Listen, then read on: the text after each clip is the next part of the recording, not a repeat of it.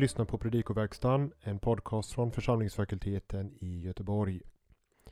Innan du får lyssna på genomgång inför kommande helgdag med Daniel Johansson vill jag påminna om vad som finns till fördjupning och begrundan så här i stilla veckan, nämligen passionspredikningar och Youtube-serien Fördjupning i fastetid om korset i centrum. Gå in på vår hemsida www.ffg.se för att klicka dig vidare till våra poddar och vår Youtube-kanal. Efter påsk kommer det en ny eh, serie på vår Youtube-kanal som handlar om uppståndelsen i centrum och varför Jesu uppståndelse bör vara i centrum för kyrkans liv och för den enskilde. Vi har haft en genomgång om korset i centrum och här får vi tränga djupare i varför också uppståndelsen hör till detta centrum. Följ oss på vår Youtube-kanal efter påsk. Men nu genomgången med Daniel Johansson. God lyssning! Evangeliet på påskdagen i år, det hämtar vi i Markus evangeliet 16 kapitel, verserna 1 14. Och då är det så att de åtta första verserna av den här texten, de är också evangelium för påsknattens gudstjänst. Vi börjar med att se på det språkliga. Vers 1 inleds med en genitivus absolutus. Dia genomeno to sabbato. Sedan sabbaten förflutit, när sabbaten var över. Det vill säga strax efter klockan 18 på lördagskvällen när handelsbodarna återöppnade. Aroma kan avse både kryddor och välluktande oljor. De användes inte för att balsamera och bevara kroppen utan för att lindra lukt och stank när kroppen bröts ner. Vers 2 så har vi uttrycket te mia ton sabbaton, ordagrant sabbatens första, det vill säga den första dagen i veckan. Te mia i femininum underförstår hemera, dag, också i femininum. Tidpunkt anges i dativ. Slutet på samma vers, Anna teilantos to helio det är också en genitivus absolutus med participet i aorist, vilket indikerar att solen redan gått upp. De svenska översättningarna eh, översätter som om det är frågan om ett presens particip när solen gick upp. Kanske Marcus menar att solen precis kommit över horisonten, vilket väl är förenligt med att den håller på att gå upp. I vers 3 lämnar Bibel 2000 tes sirras dörren eller öppningen oöversatt. Här står tes sirras to ne mejo. Och med det avses själva öppningen till graven, gravöppningen. Konjunktionen kaj och som inleder vers 4 är adversativ och då översätter vi med men. Vidare i vers 4 eh, så är apokekylistai ett bra exempel på den aspekt perfekt förmedla. Perfekt avser ju normalt en händelse i dåtid som alltjämt äger giltighet. Stenen var och förblev bortrullad. Vi går till vers 5 och där stöter vi på verbet eksambeomai. Det används bara av Markus i Nya Testamentet. I 9.15 handlar det om folkets reaktion när Jesus kommer ner från förklaringsberget. I 14.33 avses Jesus eget sinnestillstånd i ett semane och så möter vi det här i verserna 5 och 6. I vers 6 kallas Jesus för ton estauromenon, den korsfäste. Ett perfekt particip används, vilket indikerar att Jesus var och är korsfäst. Som uppstånden är han alltjämt en korsfäst och hans verk på korset har evig giltighet. En liknande beskrivning i vilket det också används ett perfekt particip finns i Uppenbarelseboken 5.6. Här översätter Bibel 2000 med han som blev korsfäst. Notera sen att verbet egerthe, egeiro, stå upp, används om vad som skett med Jesus. I sina lidandes och uppståndelseförutsägelser har Jesus tidigare i till exempel 8.31 använt verbet anistemi för att beskriva uppståndelsen. Betydelsen är densamma för anistemi och egeiro. I meningen ho topos hopo ethekanauton är huvudverbet ethikan aktivt i tredje person pluralis, de lade. Här kan man med fördel översätta det med man lade. Bibel 2000 väljer att översätta i passivum han lades. I vers 7 gör i mitt tycke Bibel 2000 ett väldigt konstigt val. Man ändrar nämligen på ordföljden tois mathetais auto kaito petro och översätter säg till Petrus och de andra lärjungarna. Men Markus skriver säg till hans lärjungar och Petrus. Det är ett lite märkligt sätt att skriva eftersom Petrus är en av lärjungarna. I uttrycket ligger ju något som folkbibeln uttrycker med tillägget av ordet särskilt och särskilt till Petrus. Efter sitt fall behöver Petrus omsorg på ett särskilt sätt. Men det kan även finnas en annan förklaring på ordföljden. Petrus är nämligen den första av lärjungarna som nämns i kapitel 1, vers 16. Där står det Simon och hans bror Andreas. Med ordföljden i 16.7 blir Petrus också den sista lärjungen som nämns i evangeliet och en inklusio bildas som kan vara en bland många andra indikationer på att Petrus är den som ytterst sett står bakom det här evangeliet. Eisten Galilean översätts normalt till Galileen, men det kan faktiskt också betyda i Galileen. Likt en herde ska han gå före lärjungarna i Galileen. Det är åtminstone en betydelse som ligger nära till hands när Jesus själv uttalar det här löftet i 14, 27-28. Kathos Eipen Hymin, så som han sa det er, syftar tillbaka på just eh, 14, 28. Och så går vi till vers 8 där det står Eichen gar autas trommos kai extasis. Ordagrant översätter vi det för darran och häpnad höll dem.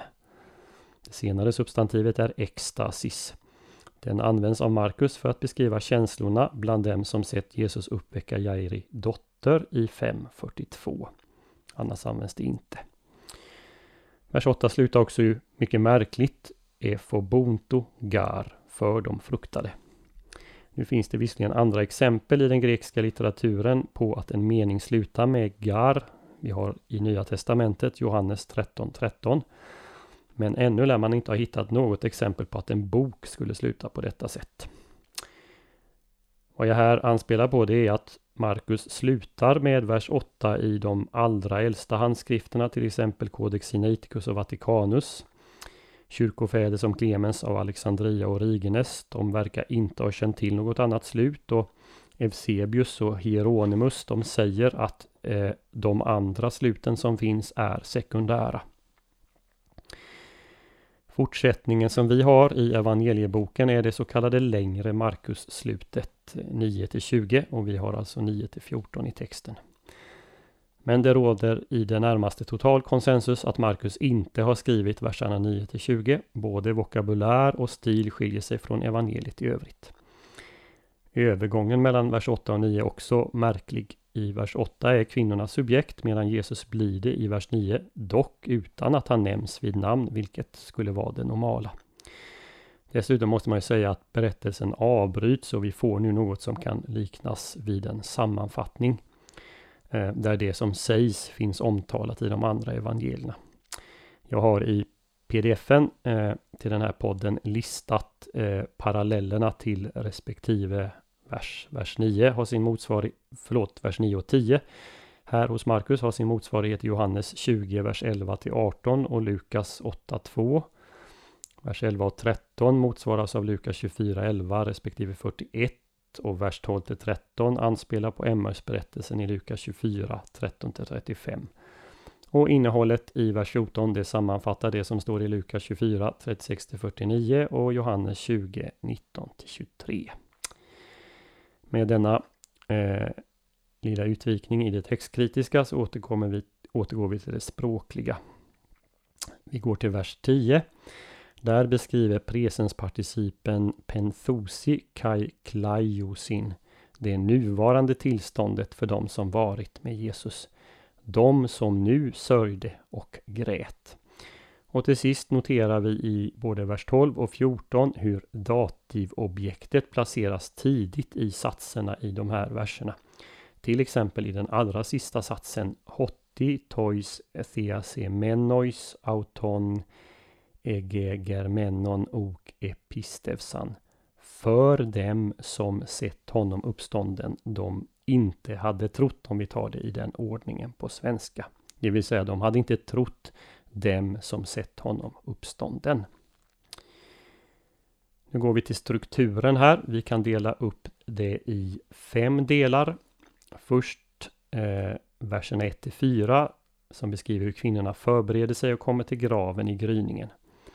Verserna 5 till 7 omtalar mötet med ängeln och hans budskap. Eh, vers 8 beskriver hur kvinnorna flyr från graven utom sig av häpnad och fruktan. 9 till 13 hur Jesus först visar sig för Maria Magdalena och sedan för två andra lärjungar. Men att dessa inte blir trodda. Och till sist vers 14 Jesus visar sig för de elva och klandrar deras otro. De tre vittnena, Maria från Magdala, Maria som är Jakobs mor och Salome, har Markus redan introducerat i 1540. Och där sägs den andra Maria vara Jakob den yngres mor och Joses mor. Så en lite mindre precis beskrivning här i kapitel 16. Lite senare i vers 47 i kapitel 15 berättar Markus att två av de här Mariorna, de två Mariorna, hade också sett var han blev lagd. De har alltså en nyckelfunktion som ögonvittnen. De stod vid korset, de såg att Jesus verkligen dog. Två av dem hade sett var han blev lagd så de kunde inte ta miste och gå till fel grav. De var också de första som såg att graven var tom och de mötte en ung man i en vit lång dräkt. Markus säger inte uttryckligen att det är fråga om en ängel, men han beskrivs som en budbärare från Gud. Termen ung man den används om änglar i den judiska litteraturen, så till exempel i Andra Makabeboken 3.26.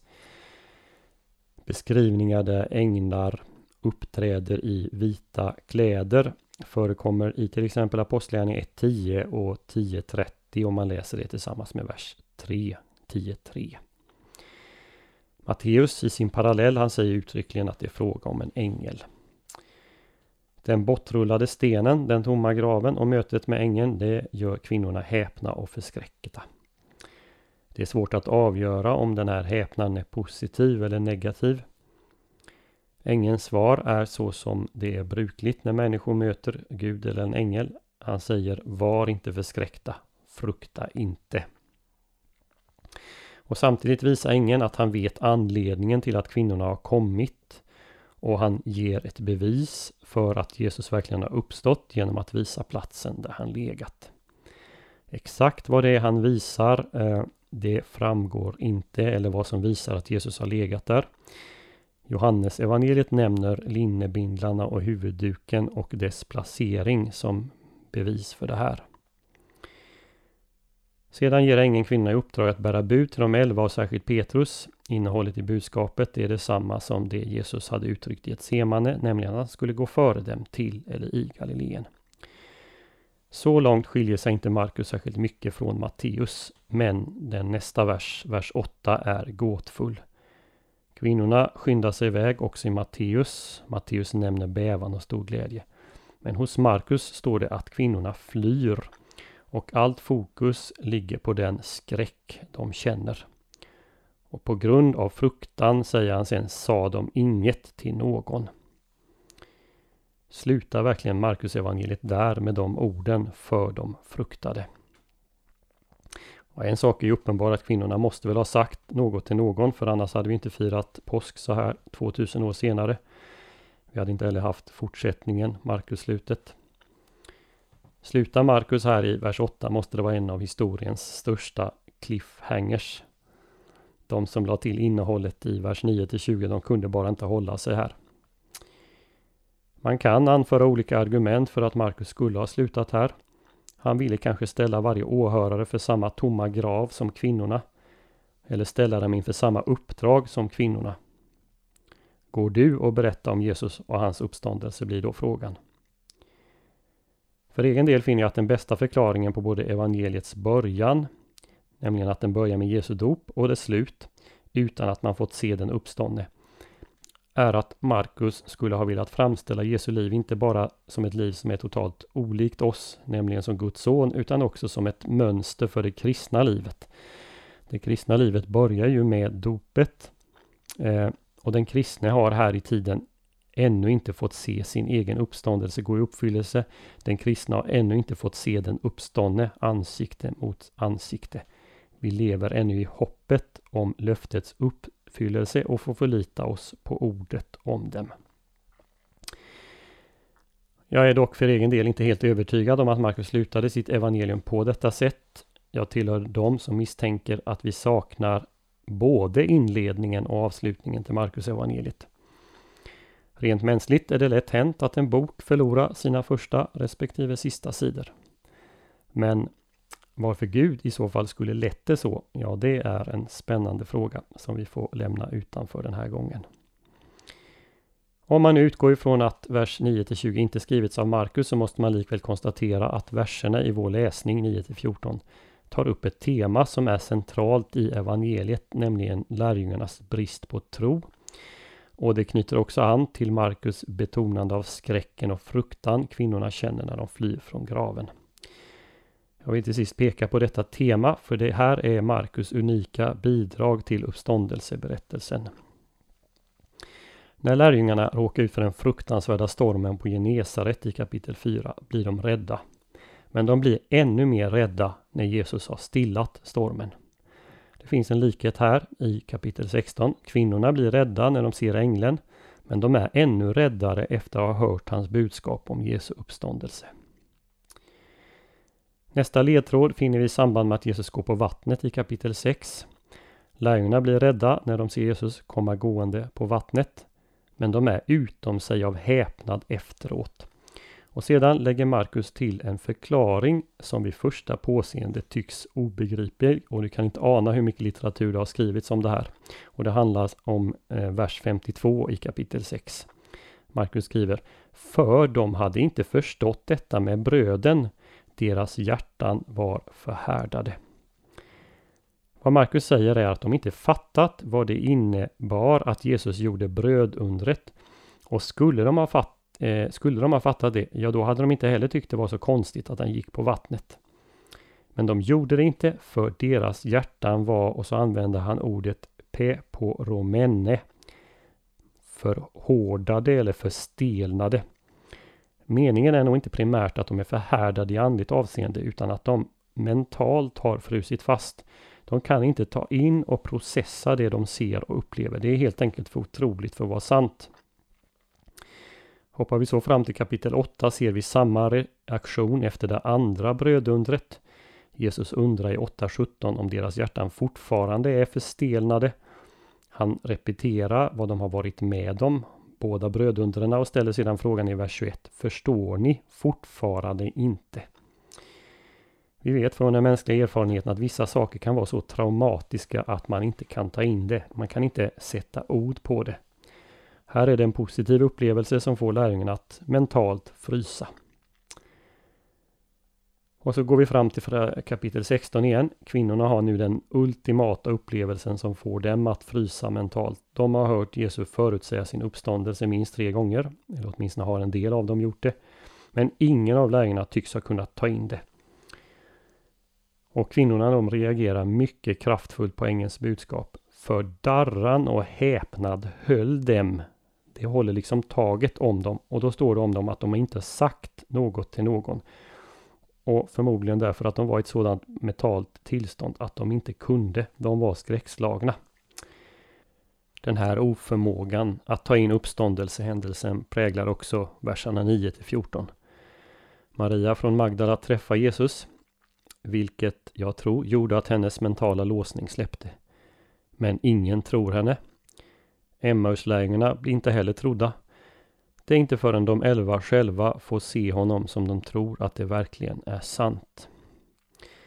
Så kom inte och säg att det var lättare att tro på uppståndelsen för 2000 år sedan än det är idag. Det var en så överväldigande händelse att det först inte gick att ta in. Jesus måste upprepade gånger visa sig och tala med de sina. Först då kunde de ta in att det omöjliga hade blivit möjligt. Att någon hade uppstått långt före den allmänna uppståndelsen. Hur gick det då för kvinnorna i texten? Ja, evangelisten Matteus berättar att de på vägen från graven mötte Jesus.